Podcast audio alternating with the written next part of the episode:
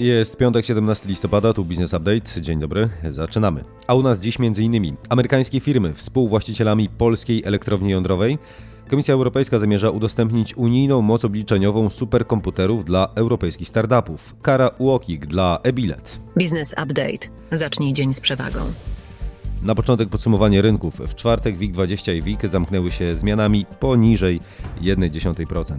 Najmocniej wśród blue chipów rósł kurs akcji spółki Kenty to o 3,63%, natomiast od początku roku notowania spółki wzrosły aż o 77%. Na szerokim rynku na uwagę zasługuje wzrost spółki Airway Medics o 49%. E, spółka pozyskała od inwestorów 2 miliony euro na komercjalizację swoich produktów medycznych. Wczoraj złoty się umacniał, za dolara trzeba było zapłacić 4 zł 3 grosze, a za euro 4,38.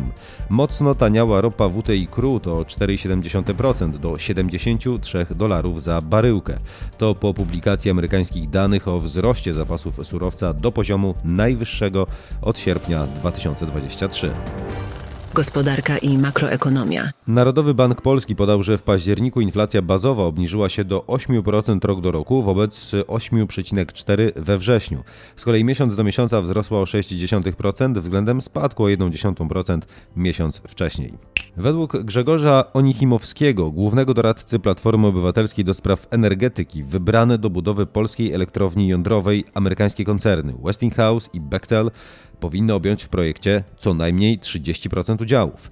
Jak na razie plan inwestycyjny między Polską a tymi firmami nie zakładał takiego rozwiązania.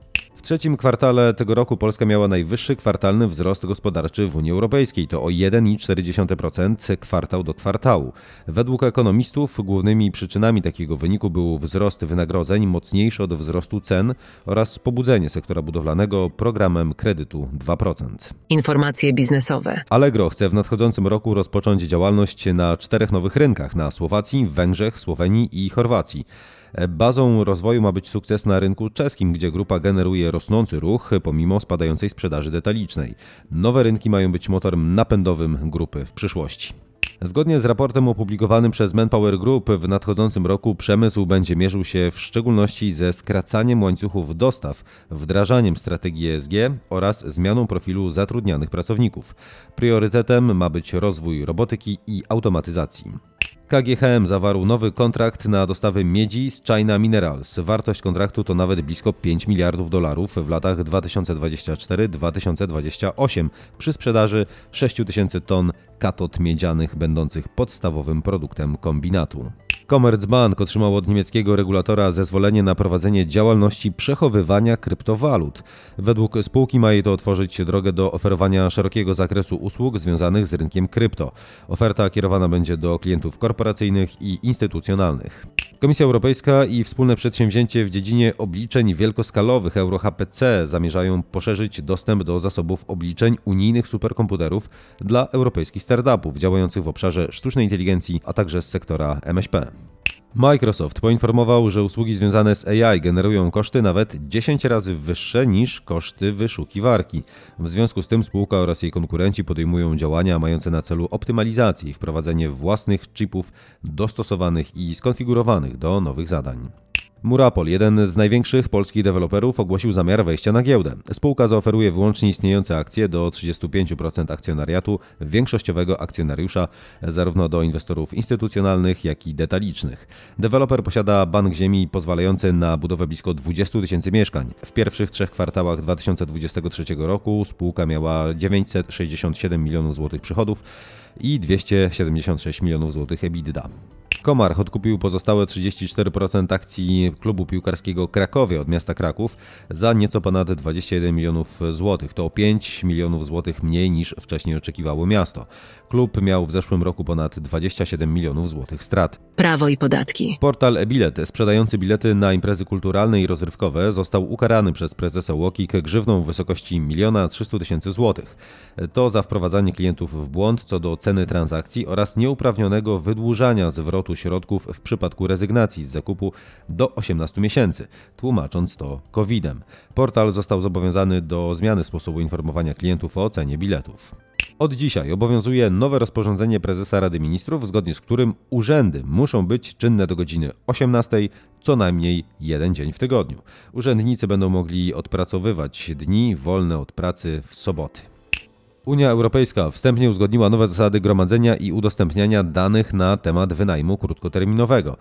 Projekt opiera się na założeniu, że wszystkie nieruchomości przeznaczone na wynajem będą musiały być zarejestrowane w urzędowej bazie w danym państwie członkowskim. Baza będzie dostępna w całej Unii. Dane i badania rynkowe. Dla 71% Polaków powyżej 50 roku życia założenie działalności gospodarczej wynika z potrzeby niezależności. Niemal 63% ankietowanych traktuje własny biznes jako formę utrzymania aktywności po pracy na etacie. Niemal 120 tysięcy metrów kwadratowych powierzchni biurowej oddano do użytku na polskim rynku w trzecim kwartale. Na koniec raportowanego okresu odsetek pustostanów wynosił 17,3%.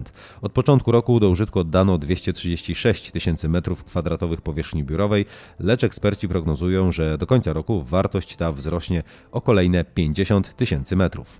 Natomiast jeżeli chodzi o powierzchnię magazynową, to w trzecim kwartale tego roku oddano dokładnie 527 tysięcy metrów kwadratowych. Od początku roku oddano już ponad 3 miliony metrów kwadratowych powierzchni magazynowej. Z tego 35% wciąż czeka na najemcę. Blisko 63% przedsiębiorstw jest zdania, że inwestycje w nowe technologie, takie jak sztuczna inteligencja, poprawią ich wyniki finansowe. W ciągu ostatnich 12 miesięcy akceptacja wdrożenia nowinek technologicznych wśród kierownictwa firm wzrosła z 10 do 38%. Ponad 16 miliardów litrów wyniosła w 2022 roku produkcja wina na terenie Unii Europejskiej. Największymi producentami trunku pozostają Włochy oraz Hiszpania, to niemal po 5 miliardów litrów, a na trzecim miejscu znalazła się Francja 3 miliardy 400 milionów litrów. W raportowanym okresie wymienione państwa stanowiły 83% unijnej produkcji wina. I tą informacją kończymy piątkowe wydanie podcastu Business Update. Więcej informacji, danych liczbowych, a także rekomendacji spółek niezmiennie w naszej prasówce, a można się na nią zapisać na businessupdate.pl. Dobrego weekendu, do usłyszenia w poniedziałek. Dziękujemy.